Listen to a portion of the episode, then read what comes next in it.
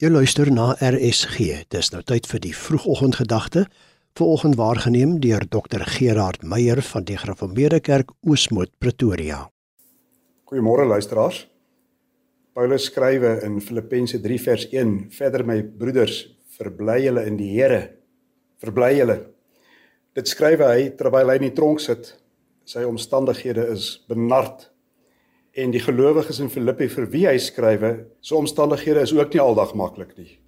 Soos wat geen mens op aarde se omstandighede altyd maklik is nie. Tog verbly hulle. Dis nie maklik nie, nie eenvoudig nie.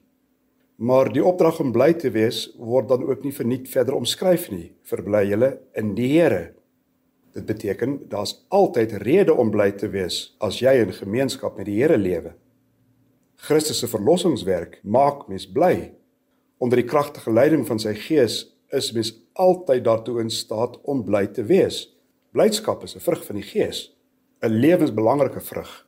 Want aanslae op jou geloof en 'n kop vol sorges kan jou maklik van jou blydskap beroof.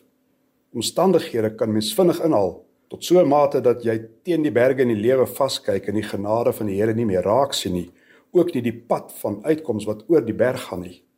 As die moeilikhede in die lewe en die dinge wat jou bedreig die oorhand kry, maak blydskap plek vir moedeloosheid.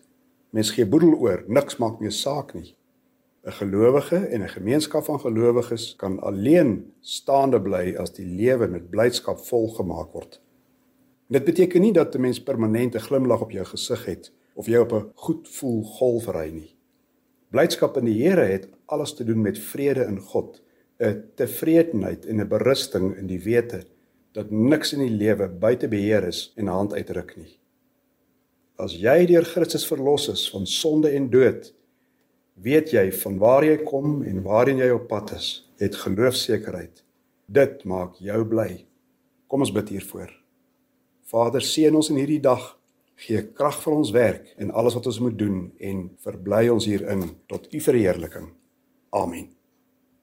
Dit was die vroegoggendgedagte hier op RSG, waargeneem deur Dr Gerard Meyer van die Gereformeerde Kerk Oosmoed Pretoria.